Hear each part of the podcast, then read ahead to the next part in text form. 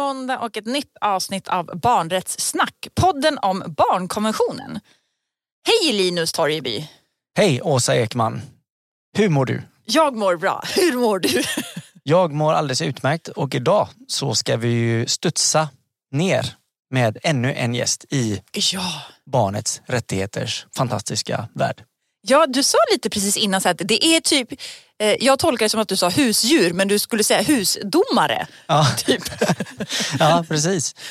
För eh, podden startade ju vi eh, med tanke på att barnkonventionen skulle bli lag Mm. och därför är vi här idag. Och vem är det vi har med oss? Ja men vi har ju med oss Ann Rask Samuelsson, domaren. Hej! Hej! Och du var ju med oss för lite drygt ett år sedan. Ja, Och för er lyssnare så var det ju avsnitt 53 och då hette det Finns barnkonventionen i domstolen? och det gjorde den va? Ja, lite i alla fall. Alltså det var ju, ja absolut, men vi, vi hade ju lite att önska också. Mm. Men, men definitivt, så det tänker vi för lyssnarna. att Ni, lyssna på det om ni inte har gjort det. Mm. Mm. Men du är ju domare. Sen har du ju så här jätteroligt namn, eller inte namn men titel. Sån här liksom, det Ja. som vi sa som låter som fisk men som inte är fisk. Att jag är en fiskal ja. Ja. Precis, jag är en fiskal, en administrativ förvaltningsrättsfiskal. Ja, det är ett jätteroligt namn. Eller jag använder titel. den ganska sällan den titeln. Men eh, ska vi liksom bara för vi har så bjudit in dig för att vi känner att ja, men nu har barnkonventionen varit lag i lite mer än två år. Har det hänt någonting sen sist liksom? För vi tycker, på ett sätt hör vi att det kommer så här, äh, lite nya lagförslag, lite sånt, men liksom, ja, vad händer? Vad, vad ser du? För vi ser ju med våra icke-juristiska ögon, ser ju vi en sak kanske och du ser ju andra saker tänker vi. Ja, ja men jag tycker att det händer ganska mycket. Jag tyckte att det var ju två år sedan barnkonventionen blev lag. Eh, och sen så har det ju hänt, jag jobbar ganska mycket inom med LVU till exempel och där började det hända väldigt mycket i samband med Lilla hjärtat. Jag tänker Lex Lilla hjärtat har säkert många eh, hört om. Väldigt tråkigt men det satte igång ganska mycket. Och där har det kommit ganska många Det har gjorts utredningar där och det har kommit en del lagändringar. Man har bland annat infört att biträden som företräder barn i LVU de måste ha särskild kompetens och erfarenhet. Eh, Och man har gjort en utredning som ska läggas fram som riksdagen ska rösta om nu under våren med lagförslag eh, som speciellt rör då upphörande av, av LVU. Det var ju det som Lilla hjärtat var det det handlade om, där, att hennes vård hade upphört eh, Eh, med lagförslag kring den vården. Och sen så när man hade gjort den utredningen, den kom ju förra året och så har man jobbat med den fram till nu. Eh, så var, kom det viss kritik mot den utredningen att man tyckte att barnets bästa skulle fördjupas. Så då har det gjorts en ny utredning nu som socialutskottet har gjort. Eller som de har gett i uppdrag då, att några jurister har gjort. Och den har kommit nu och där finns det ytterligare förslag då om barnets bästa, hur man ska hantera det vid upphörande av, av vård. Eh, den är ute på remissrunda nu. Så det har kommit till exempel inom LVU. Så det är ett område där det händer mycket. Ja, och, och då tänker jag så här, är det sådana ändringar som liksom som ni jurister tänker på eller är det sånt som vi skulle se skillnad om vi tittade på liksom förslagen också? Alltså jag menar, eller fattar du vad jag menar? Inte riktigt. Eller jag tänker, jo, nej, nej kanske, ja. För, för vissa grejer som ni kanske tycker är en sån jättestor grej. Eh, jag vet inte, kommer jag inte på något bra exempel här bara för det? Kommer du på något? Fattar du vad jag menar? Att det står en var kanske? Nej, ja, men typ. wow.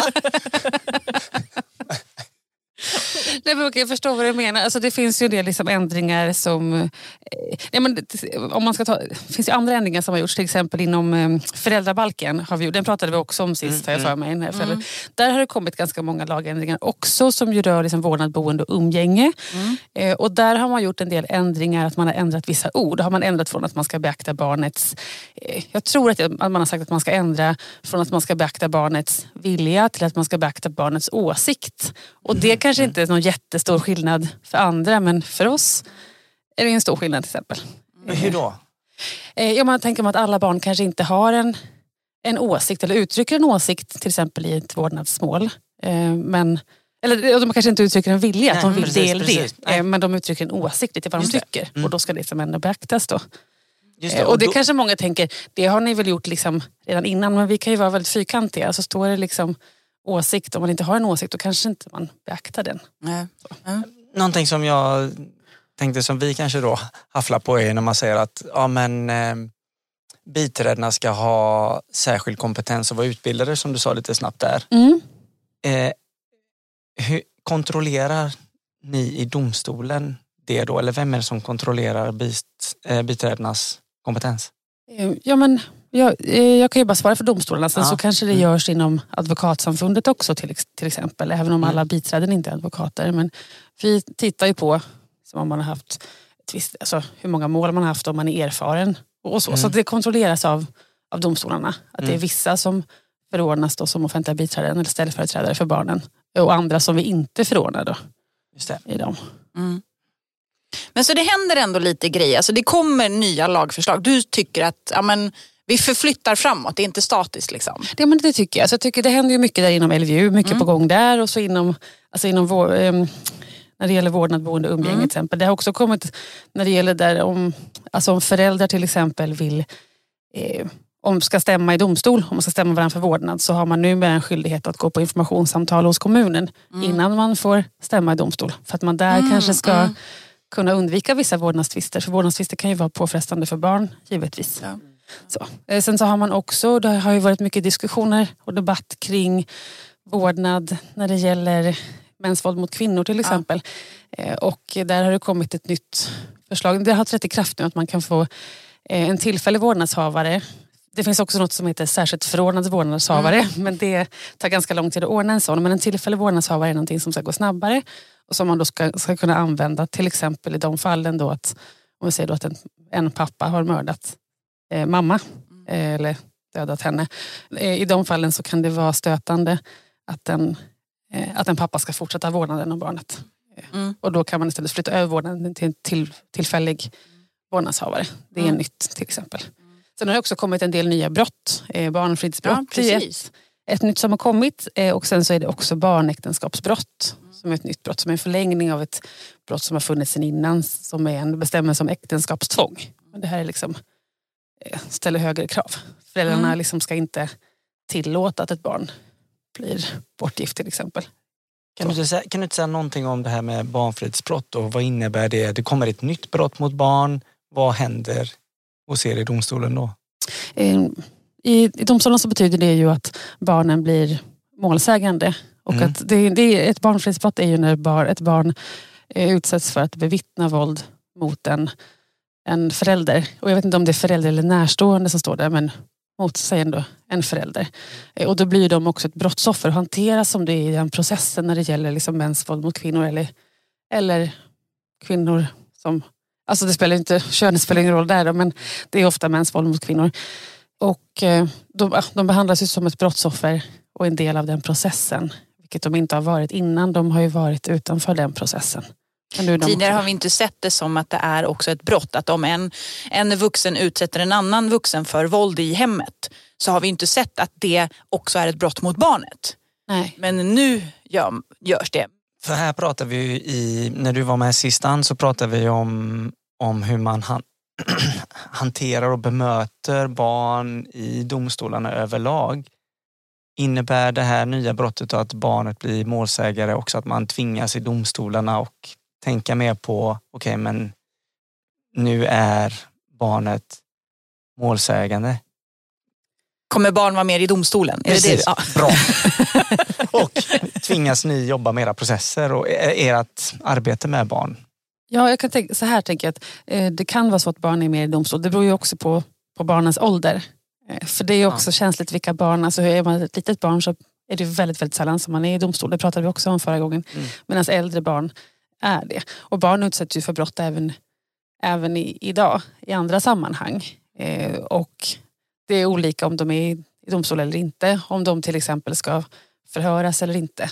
Eh, eller om någon annan företräder dem. Mm.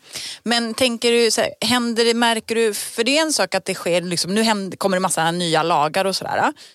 Och det blir ju ni liksom, tvingas ju ni lite så här uppdatera er på. Men finns det liksom, har ni något utbildningspaket för er eller hur, hur ser det ut? Ja, men inom domstolarna så har man ju numera till exempel en barnkonventionsdag. Eh, Yay!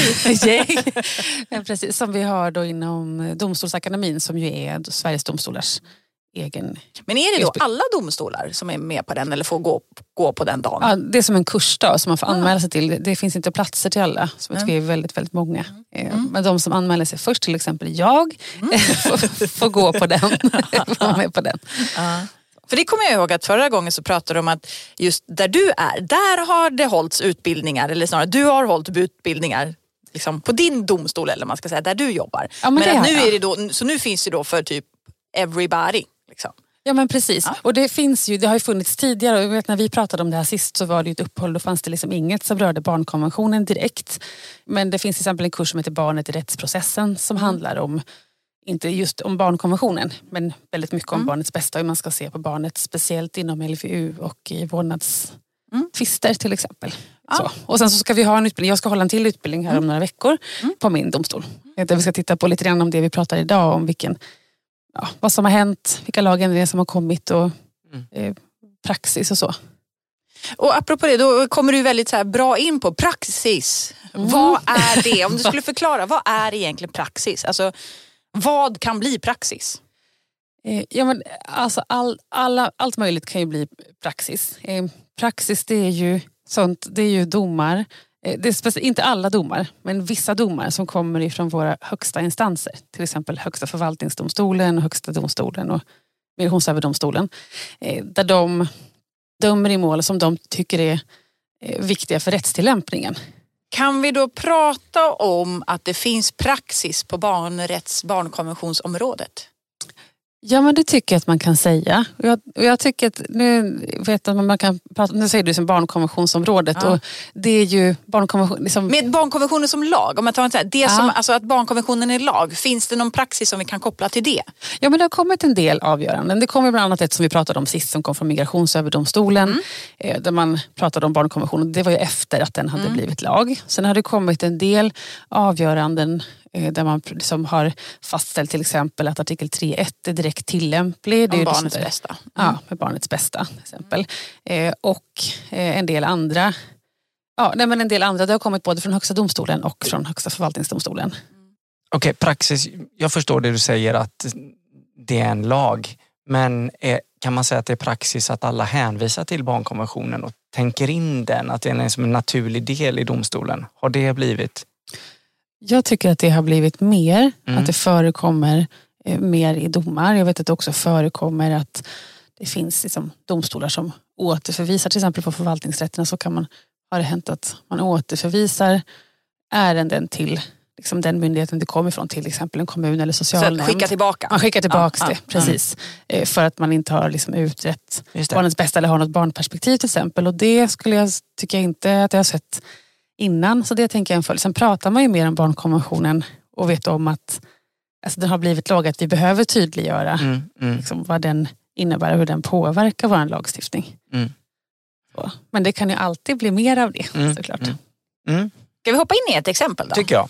För då har ju vi, vi har ju bett dig så här, kan du inte ta något som, som du tycker liksom där de skriver mycket eller bra eller liksom typ. Kan vi ta jo. något? Ja, men Som är ganska nyligen. Ska vi ta, det finns ju en kammarrättsdom. ja, men som är väldigt ny, som kom bara här för några dagar sedan. Ja, fast när vi spelar in det så kom det lite ett par veckor sedan. Ja, nu kom det för ett par veckor sedan. Jo, men det var en kammarrättsdom eh, som rörde, det var två stycken domar men det rörde samma sak. Där, där det var, En omorganisation, kan, kan vi inte säga så? Att det handlade om en omorganisation. Jag har fått använda för krångliga ord. Men, men, om jag förklarar hur jag har tolkat vad Ja, domen precis. handlar om Så- så, så kan du säga sen det, det liksom juridiska. Ja, men det blir jättebra för jag kommer bara säga massa liksom, eh, försummelser och andra ord som ska... Om du säger något konstigt och säger I am the law, så vet du att han, du har tappat honom. Men så som jag, om jag nu försöker summera kort, det har gjorts en omorganisation och det handlade om särskola i en kommun. Där kommunen säger att de har gjort en barnkonsekvensanalys och liksom tittat på de här grejerna och eh, sen fattat ett beslut. Och de som då har överklagat menar att ja, men ni har inte frågat barnen själva och ni har inte heller liksom konstaterat typ vad barnets bästa är. Ungefär så. Och eh, det då sa, så har ju nu då liksom, alltså, nu finns det då, har kammarrätten beslutat så att förvaltningsrätten sa att eh, ni i kommunen, ni har inte konstaterat barnets bästa innan ni fattade beslutet så därför så upphäver vi det här beslutet. Så då typ vann de som överklagade. Men sen så har ju då kommunen överklagat så att det hamnar i kammarrätten. Kan man säga så typ? Ja men så kan man säga, det låter, jag tycker det låter jättebra. Jag förstår, jag förstår precis vad du menar i alla fall. Men vad var det för slags omorganisation de ville göra? Uh, ja men det, var, det är det här som är, för det är två olika kommuner Mm. så att jag kommer inte ihåg. Mm. om det var den där särskolan skulle flyttas till en annan plats eller om det var de här olika stadierna, att de omorganisering Aha, i stadierna. mm, det, Ja, det är bara så lyssnarna ihop, vet vad det är som... ja, de skulle de flytta ihop två stycken ja men det är det jag inte kommer... enhet. Ja. Ja, ja. Eh, Så. Men det var i alla fall frågan liksom om, det här, om de hade gjort det som en barnkonsekvensanalys. Det var det som föräldrarna sa att det har ni liksom inte gjort. Mm. Och ni har inte, de har åberopade, eller de gjorde gällande en del, lite olika Gjorde saker. gällande. Gjorde gällande. Ja, precis, det blev mycket bättre, eller hur? Eh, men, det, men kammarrätten gick ju då på kommunens linje och sa att man har gjort liksom man har gjort tillräckligt i förhållande till artikel 3.1 i barnkonventionen om barnets bästa. Men det som var bra att man sa i den här domen var att man, alltså att man konstaterade igen då att artikel 3.1 är är liksom direkt tillämplig. Och då betyder det att om någonting strider mot artikel 3 då kan man upphäva kommunala beslut eh, i förhållande till det. Så, så det, det var ju bra. Eh, sen så gick det ju inte så som föräldrarna ville. Eh, och jag vet att det finns, liksom, finns de som inte tycker att det här var ett bra sätt att tolka artikel 3.1 på det som kammarrätten har gjort. Eh, men utan att säga vad, om jag, tycker att man ska döma på det ena eller andra sättet så tycker jag att den här domen är väldigt bra för att det det finns mycket resonemang kring barnkonventionen i den här. Man tar upp en del förarbeten och man tror också att man hänvisar till allmänna kommentarerna. Eller till någon del av allmänna kommentarerna där. Mm. Och eh, att det finns liksom ett resonemang som jag tycker är väldigt bra att få, att få fram. Alltså att jag tycker att det här ska synas mer eh, i domar. Eh, så. Mm. Ja, men och det kan man ju säga, det är, de har ju skrivit en hel del. Sen kan ju då eh, vi som icke-jurister tycka att vissa grejer kanske inte är jättebra eller hur jag nu ska... Alltså, ja, men det jag tänker mig är att de har ju skrivit liksom att mm, det här med 3.1 barnets bästa, att det är inte så enkelt alla gånger att bestämma vad som är barnets bästa utan att det kan ju vara, liksom, det kan vara ganska svårt och att därför typ, vi måste inte konstatera vad som är barnets bästa. Om jag nu, det här är min tolkning av det jag läser och det kan ju vara fel. Men jag tänker att det blir ju alltid lite farligt om vi säger så här att ja, nej, men det kan vara så svårt att konstatera vad barnets bästa är så vi behöver inte göra det. Då skiter man i att göra det. Förstår, förstår du vad jag... Jag tittar på dig Linus, för fattar du vad jag menar? Säg ja. Nej, men jag, Jag fattar. det du säger Anna är att du gillar att man resonerar mer i domen. Mm. Vad, vad, vad blir liksom resultatet av det? Är det också att man tvingar andra att ta in mer fakta i kommande domar? Ja, men jag tänker att I det här fallet så har domstolen tvingats liksom att utreda då hur ska vi se på, på artikel 3.1. För det som, det som, ja, men som Åsa sa var att man, eh, ja, men väldigt förenklat eh, så säger föräldrarna att ni borde ha pratat med barnen direkt. Och kammarrätten säger eh, ni behöver inte prata med barnen direkt för att artikel 3.1 kräver inte det. Och då måste man ju föra ett resonemang och analysera liksom om artikel 3.1 kräver det eller inte. Och det är det jag tänker är bra. Det finns ett sånt resonemang i den, i den domen. Så det, det tvingar ju liksom inte andra liksom att resonera mer kring det. Men Mm. det är ju en hjälp Mm, att se mm. hur andra domstolar har gjort det och liksom en, en instans som är högre än förvaltningsrätten till exempel. Ja, men och det är ju i de här resonemangen som, som jag kan jag fattar och det är väl jättebra att man resonerar för de plockar ju en del och säger till exempel att, att artikel ja, 3.1 och artikel 12 hänger väldigt tydligt ihop och sådär. Och samtidigt så kan jag säga så står det att ja men för det blir ju väldigt den här, det blir ju den här stolpigheten. Till exempel så säger man ju alltså att artikel 3.1 säger ju att ja, men barnets bästa ska liksom beaktas. Men sen så står det ju inte hur man ska göra det här. Mm. Mm, och, och nej, det står ju inte i själva liksom, artikel 3.1 men det finns ju en tydlig tematik i, eller liksom, tillvägagångssätt hur du ska göra det med hjälp av de allmänna kommentarerna. Och det är där som det blir att när du gör den här då förenklade eller bara gå på liksom det rent juridiska så känner jag att det finns ju alltid en risk att man skiter i det andra. Alltså att man underlättar, att, ja, men då blir det inte så stor skillnad. Du behöver inte göra en prövning av barnets bästa. Eller, nej, eftersom det räcker att du frågar företrädare för barnet, till exempel barnets vuxna eller barnets lärare. Nej, men du behöver inte fråga barnet. När man hela tiden, liksom, även om tanken är god att liksom, göra det här resonemanget så, så finns det ju en risk, säger jag, att vi kommer inte se så mycket prövningar av vad barnets bästa är och hur det har prioriterats och vi kommer heller inte se så mycket vad barn tycker och tänker. Mm. Och jag tänker att vi får se ja, när, det här, när det här går live då, eller när den här ska sändas, om det har överklagats eller inte. Finns nu Ja. inte det, men det ju, kan ju överklagas till HFD så får vi se om det tas upp där eller inte. Ja. Det, det, och det kan ju fortfarande ändras i så fall. Men är det så att är det bara vi som liksom är så här cyniska, negativa pessimister som tänker att det kan bli så? Eller kan det bli så? Ja, de säger ju, ja, det är väl det som egentligen sägs i, i domen. Jag tänker att det är svårt att dra en sån slutsats Mm. och tänka att den ska liksom gälla liksom över hela, hela linjen i flera olika mål. Eh, Jag kan inte säga att jag ser den, den risken. Eh, Men och sen samtidigt så blir det ju, alltså, eftersom att jag också blir fyrkantig då, så det, är det så lagen ska tolkas och liksom artikeln, då är det ju så. Då är det ju så det ska vara. jag vet att det låter väldigt tråkigt men det är ju Jo, det. men, och det är Ja. det. Ja. Ah, jag är helt borta.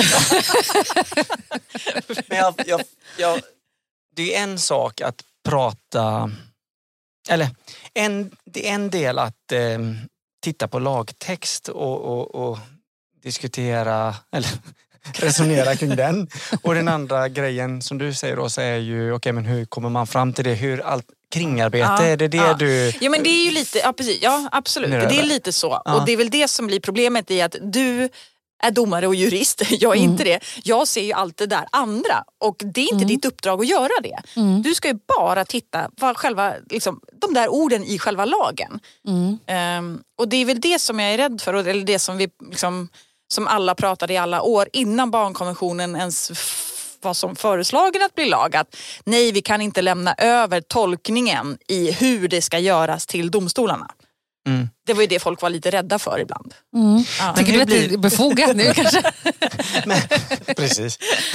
Det är sista gången du är här. Nej, Nej men hur blir det då med ehm, Okej, man pratar om 3.1, barnets bästa och så säger föräldrarna att Nej, men ni har inte lyssnat in barnen och då har vi artikel 12 som är liksom barn ska ha inflytande och delaktighet. Hur blir kopplingen i, för er då i domen? Eller kan man separera en artikel helt från den andra då eller? Kan inte svara på exakt hur de gjorde i det här fallet? De har ju kollat på artikel 3.1 och använt artikel 12 för att tolka den. De har väl skrivit ändå att de har använt 12.2 och tycker att därmed att det är okej. För 12.2 är det som pratar om att du kan använda så här, eh, ombud för barnet eller företrädare. Och det är ju det de då hänvisar sen till att det har kommunen gjort. Kommunen har snackat med barnens föräldrar och de har snackat med barnens elevassistenter och de har snackat med typ någon mer, kanske lärare. Och genom det då så tycker eh, de att ja, men då har de gjort en tillräcklig eh, ja, inlyssnande. Att barnen Okej. har fått komma till tals. Ja, via alla andra. Och det är det som jag stör mig på. Ja, Förlåt. ja. Men, ja. Ja men shit, spännande. Så då har det överklagats? Så är det? Nej, Det inte, som, inte som jag känner till. Och den är, det, men när det här sänds så kanske den har det. Ja. Men då är det att de här, i detta fallet så har ju föräldrarna eh, anlitat en advokat eller, en, eller hur funkar det? Det vet jag inte, det står ju i domen i så fall. Ja. Om, det har, eller ja, om de har haft ett ombud i om de har haft en, ett ombud i processen sen så kan det ju vara att de har tagit hjälp av någon som inte är med som ombud. Jo men det har de någon. Ja. Om- Ja, för jag bara funderar ombud. på det här med att, att eh, du sa att ja, men domstolarna, vi har de här och så sen hur mycket hakar advokaterna med på det här Mm. eh, eh, racet? Har, har de också blivit bättre på att jobba med barnkonventionen? Kan, kan ni se det också eller? Jag kan inte säga att jag ser någon, någon trend men jag tycker att det är ganska vanligt att advokater, om det är liksom mål som rör barn, Mm. så tar ju biträdena upp barnkonventionen och argumenterar kring den. Ja, Ja. Med en mer utvecklad argumentation och eh, Jag kan inte säga att jag sett en sån trend. Det betyder inte att det inte är så. nej. Det betyder inte. För där måste väl ändå vara så att ni följer varandra åt på olika sätt eller? Att det finns en sån när det blir praxis så använder också advokater det i en- i Ja, andra så mål. blir det ju. Ja. Ja. Mm. Ska vi, du hade något mer exempel, ska vi hoppa in på det? Jo, men jag hade ett som kanske var bättre då. som jag gillade lite mer. Det är så roligt att jag som har noll koll på de här sakerna bara, nej men jag tycker inte det här var bra. Nej, men jag tittade till exempel då på ett mål som kom från Högsta domstolen där barnkonventionen har hindrat en utmätning. Och där var det då en mamma som bodde med sina, flera av sina barn i ett hus och där det pågick eh, utmätning och så var det fråga om, man, om Kronofogden skulle kunna ta det här huset, alltså fastigheten då för att få liksom, pengar till utmätningen. Då fanns det ju flera liksom, olika bolag som hon var skyldig pengar. Mm. Och den här mamman hade flera, det var flera barn som bodde i familjen och bara ett hade en funktionsnedsättning. Och eh, så resonerade man kring barnens liksom rätt till alltså barnets bästa i förhållande till intresset att man ska kunna ge pengarna då till de som vill som har rätt att få tillbaka Jag vill inte säga borgenärerna men det är det jag försöker prata om. Mm. Mm. Eh, och då kom man fram till det här att barnets bästa eh, Liksom, alltså när man gjorde den avvägningen, för det är det man gör hela tiden med barnets bästa, man väger det mot massa olika intressen. Det finns ett till exempel här där man har vägt. Liksom. Men det är ju jättetydligt i den här domen tycker jag. Mm. Alltså just den här avvägningen. Där Ja. skriver de ju det väldigt tydligt. Mm, att man liksom väger eh, då det ena intresset mot barnets, eh, mot barnets bästa. Och där man säger att det är barnets bästa att de ska vara kvar och det väger tyngre än att man ska betala tillbaka. Så då utmätte man inte den här fastigheten utan då fick familjen bo kvar där. I den. Och den har ju kommit nu, den har inte exakt datum på den men den har ju kommit nu ganska nyligen. Mm. Om det var bara innan årsskiftet. Tror jag. Ja men något sånt. Ja. Mm. Jo men den håller jag väl med om. Sen, för nu kommer jag inte Vad bra exakt... håller med. Ja, eller jag, kommer inte, jag, jag vet bara att där var det väldigt tydligt, liksom, så här, där det verkligen stod typ en mening ungefär som att eh, barnets bästa kontra det här. Eh, vi tycker det är barnets bästa. Typ. Alltså Mm. mina ord, inte deras ord. eh, så. Men sen kommer jag inte ihåg hur liksom resonemanget kring liksom hela prövningen, alltså hela den grejen, minns inte jag vad som stod i den. Men ja, nej men det, ja. Ja, men jag tänker det här måste ju handla liksom om barnets rätt eh, till trygghet till exempel. Det Mm. säger? Det här kan ju ni mycket bättre än jag exakt vad som står i artiklarna. Mm, men. Va- va- förlåt nu, vad sa du? Eh, barnets rätt till, jag tänker, eh, tryggt, alltså sitt Eller hem. bostad, typ artikel 27. Typ. Ja, kan det vara Ja, den? levnadsstandard. Känns Ja, men levnadsstandard som liksom möjliggör barnets utveckling. Ja, men och trygghet. Jag tror, man resonerade också kring att barnen eh, hade ju sin skola där och sina kamrater och att de Mm. skulle tvingas flytta. Den är också ganska lik en dom som rörde, inte en utmätning utan det var en pappa som hade barn som eh, det var inte, det är inte något praxisfall, det kommer från en hovrätt. Men det var en pappa som hade barn och som skulle bli avhyst. Eh, Vräkt. Ja, vräkt. Tack, precis. De skulle bli vräkt och där vägde man då liksom barn, alltså barnens intressen och barnets bästa mot då den här försummelsen som han hade då begått mot den här hyresvärden. Han hade inte betalat liksom sin hyra på väldigt länge och det var ganska, allvarliga, det var ganska allvarligt konstaterade man. Och då sa man att det är rätt att, att pappan och barnen behöver flytta men de behöver inte flytta så snabbt som hyresvärden har sagt utan de fick Ah, okej. uppskov med att flytta eh, ett tag. Där resonerar man också kring, kring barnkonventionen.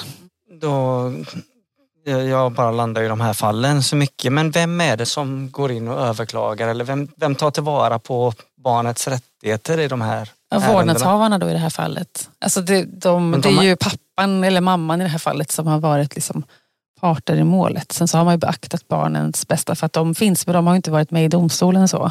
Nej. Eh, Men och det, så att det är ju föräldrarna, så vet inte jag om de har haft någon som har hjälpt dem, alltså något ombud eller inte. För jag bara tänker hur de pallat göra det och så Mm. tänker jag att det finns ju säkert många andra barn som befinner sig i liknande situationer där det aldrig blir ett rättsfall. Mm. Eller hur, hur, hur, tar, Ja, hur, hur tar man tillvara ja. på barnets rättigheter Men det är det jag tänker är så superspännande då. Tänka. För Ja. en fråga som man får ganska ofta, eller som jag får ganska ofta, det är ju Alltså eftersom barn kan ju inte själva överklaga, vilket är jättepissigt i sig, som jag tycker det, det behöver vi ändra på. Mm. Men det kräver ju att det är andra vuxna och jag tycker ofta att jag får frågan så här från personer som kanske jobbar i en kommun eller en region där de säger så här, nu är de på väg att fatta det här beslutet. Jag ser ju att det här blir inget bra. Det här, de har inte alls har liksom haft koll på barnkonventionen överhuvudtaget. Hur gör jag för att överklaga? Kan jag ens överklaga? Typ den. Alltså, hur, vad är ens en laglighetsprövning? Kan du beskriva det? Ja, men det finns ju jättemånga olika definitioner på det som låter jättekonstigt. Men så här, väldigt, så om man ska säga det väldigt så allmänt så är ju det att man prövar om ett beslut från en kommun eller region eller ett kommunalt liksom, eller regionalt organ, om det har liksom fattats på ett lagligt sätt. Alltså att de har behållit sig inom sina, vad de formellt måste, att de inte har gått ut över någon befogenhet som de inte får. Alltså att de har hållit sig till det område som de ska besluta inom och att det inte strider mot någon, någon bestämmelse. Yes.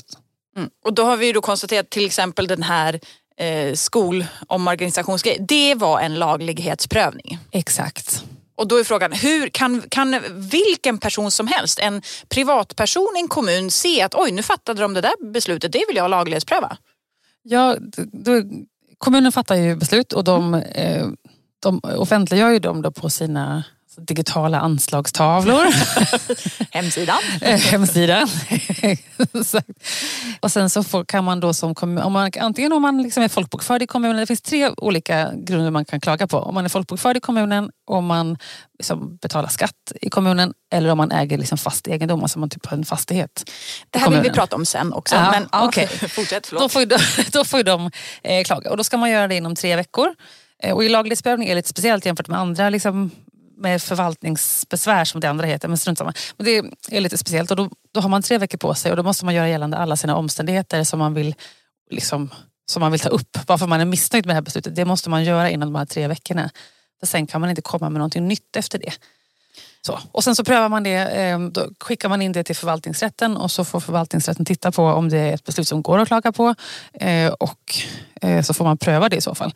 Och till skillnad från i vanliga fall då, så i laglighetsprövning så kan domstolen inte säga vi gör så här istället utan domstolen kan bara säga det här beslutet strider mot den här bestämmelsen så nu upphäver vi beslutet. Man kan inte säga vi, gör, liksom, vi sätter ett annat beslut Nej.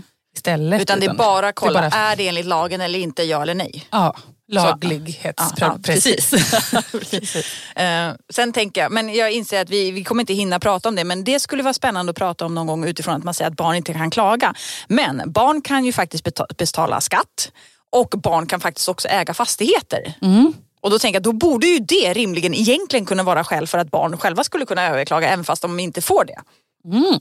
Ja, det kan vi jag- göra en podd om. Eller poddavsnitt. Ja. Men, jag fattar Gud, inte det om blir du- så jag fattar här, inte känner Jag fattar inte om du svarade på min fråga nu Ann eller inte. Var detta en svar på frågan? Men jag menar om i...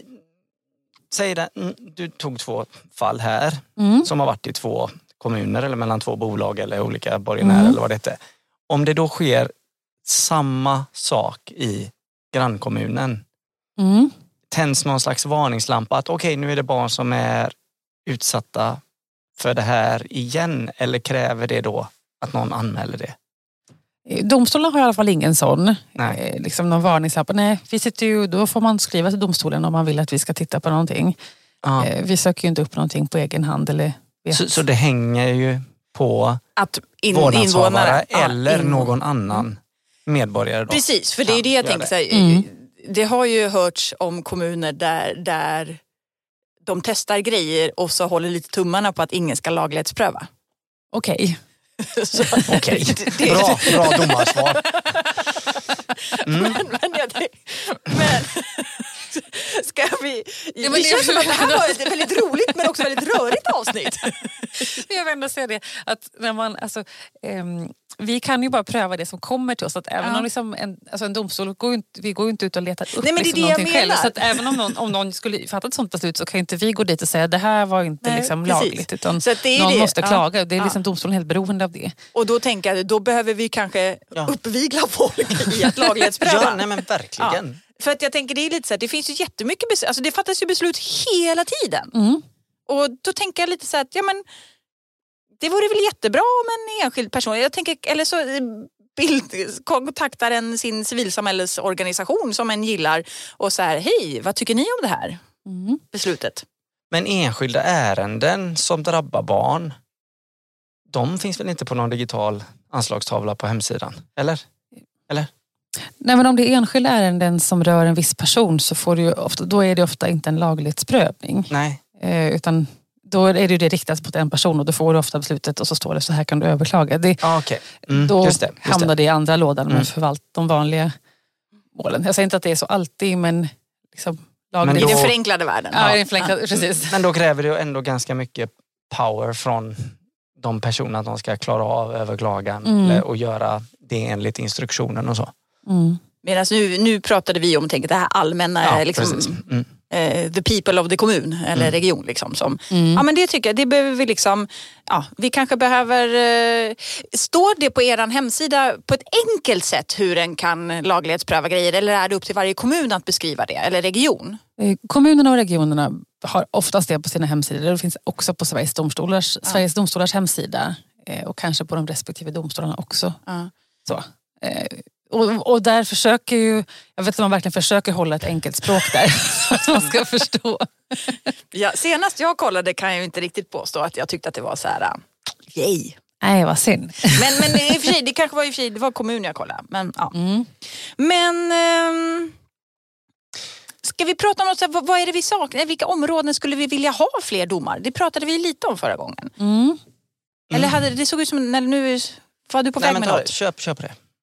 Ja. Mm. Har du något sådana, så här, här har det inte dykt upp något än? Ja, men jag, jag, får säga samma som jag vet att jag sa förra gången och det är ju hela socialförsäkringsområdet. Då pratar jag om socialförsäkringsbalken. Eh, men jag tänker liksom det som rör personlig assistans och eh, LSS till exempel. Eh, där tycker jag att jag skulle vilja ha eh, mer. Ja. Och att det inte har kommit någon praxis på det kan ju bero på en sån enkel sak att det inte finns några, det har inte kommit några liksom bra, eh, liksom bra mål att ta upp. För det, det är inte heller alla mål som kan bli praxis. Det behöver, liksom, det behöver ju vara ett ganska renodlat liksom, bra mål med en fråga så att man verkligen kan skapa en, ett bra pre- prejudikat av det. Kanske därför Alltså det typ väldigt spetsigt. Är det typ så vi ska tolka? Eller liksom att det inte är typ tusen frågor igen? Utan det Nej, är liksom, precis. Så Ja. Ganska, liksom, ja, det- för är det för många frågor så kan det, bli, så kan det, här ju slå, så kan det slå på flera olika områden som inte var tänkt. Så det behöver vara smalt. Så. Mm. Men det önskar jag mig eh, fortfarande. Ja, Mm. okej. Ja. Och jag, tror, jag kommer inte ihåg, så vad sa vi då? Svarade, vad svarade vi? Ja, vad tycker ni för något? Ja, men, alltså, alltså, ha? plan och bygglagen, alltså de där, lite sådana, de härliga. ja Miljöbalk och allt det där. Det skulle jag vilja. okej. Mm. Vad, tänk, vad, vad Vad tycker du vilja? Linus? Åh. jag fastnar hela tiden i det du säger och så börjar jag tänka på, men vilka... Alltså, när vi pratar LSS, personlig assistans, alltså hur ska föräldrar som har varit i en sån process länge orka driva Ah, ett shit. ärende till domstol som är så spetsigt när man då kanske också säger att man ska ha uttömt många andra alternativ och hela liksom överklagandet som finns i kommunen och den strukturen. Ja, det, det borde vi faktiskt ha ett avsnitt om, tänker jag. LSS. Mm. Mm. Ja. Ja, det känns som verkligen. Men nu får, nu får jag tjuvkika. Har- Är det någon fråga vi inte har ställt till dig Ann som vi hade tänkt att vi skulle ställa till dig? Vad, vad, Linus, har vi det? Är det något vi har glömt? Eller är det något som vi borde ha frågat dig Ann som vi inte har frågat? Nej, men eh, jag undrar, så här, kommer du gå hem till dina domarkompisar och prata? Va? De fattar ingenting. De är bara helt borta. De yrar om grejer de inte kan. Och i det så tänker jag också så här bara. Finns det någonting för oss som jobbar med de här frågorna på annat sätt eller, bara, eller för att kunna förstå de här processerna? Alltså hur, hur kan man bli bättre på att förstå hur barnkonventionen kopplar till lagdelarna? Det var en jättebra fråga. Alltså, på, I den första delen så är mitt svar att eh, det här är ju, alltså, det är ju väldigt viktigt för domstolarna att vi ska bli förstådda. Alltså, vi jobbar Mm, ju hela mm. tiden med att vi ska använda klarspråk och vi har språkkurser. Alltså, vi ska verkligen liksom nå ut. Mm. Eh, att vi inte ska ha det här stolpiga språket och man ska förstå. förstå. Så jag vet att det är en utmaning från, från båda håll. Eh, Så, så att, eh, jag tänker att nej, jag kommer inte alls gå hem och säga att de inte förstår någonting. Eh, För det är lika, ja, nej. Ehm, Och vad var den andra frågan? Nej men det är väl just det, ja, men hur, hur kan vi närma oss barnkonventionen som lag så som, de, så, som, så som ni hanterar den? Hur kan man träna sig på det? Eller hur, Hur ska vi fatta? Ja, liksom? alltså, hur ska vi fatta Hur- hur kan varandra? vi- hur ja. kan vi fatta er bättre? Ja, det är en jättebra fråga och det önskar jag att jag hade världens bästa svar på. Men eh, alltså, jag tänker att man kan lyssna på sådana här poddar. Eh, Man kan också läsa liksom, eh, sånt som eh, som skrivs om barnkonventionen och analyser om domar med mer när folk pratar om barnkonventionen. Jag tänker överlag att man pratar mycket om barnkonventionen gör ju att man förstår den bättre. Jag tycker det är viktigt liksom inom alla områden att man, alltså att man pratar om om saker och ting gör ju att det också drivs framåt. Till exempel barnkonventionen och praxis och debatt och vad funkar och vad funkar inte. Till exempel. Så det tänker jag. Mm. Mer barnrättssnack helt enkelt. Ja, men precis. Det blir, det blir jättebra. Ja, Ja. grymt. Ann, tack. Ja, tusen tack. Ja, men tack själva. Det här är alltid så himla roligt. Ja men du, du är våran husdomare. Hus, alltså det blir helt fel i min hjärna. Maskot, nej det, du är våran domare helt enkelt. Ja. Nej, men och jag tänker också att det här är ju så himla viktigt för att bakom alla de här exemplen som vi har pratat om och det här förfarandet som du pratar förfarandet Nej men och praxisarna så, så är det ju barn som är där någonstans i andra änden. Mm. Ehm, ja. Och Mm. som har rätt till ett bra stöd och också att vara involverad och förstå vad som faktiskt händer. Mm. Ehm, så så det är Mm. jätteviktigt att prata om, Mm. om det. Mm. Även fall vi har varit lite snurriga, eller? Ja, ja men lite så. Ja. absolut, bra summering. Mm. Tusen tack igen Ann Rask Samuelsson, domare. Tack och så eh, mycket. administrativ förvaltningsrättsfiskal. Ja, det är också precis. Då eh, tackar vi för denna veckan och hör av er om ni har mer frågor. Hej! hej hej!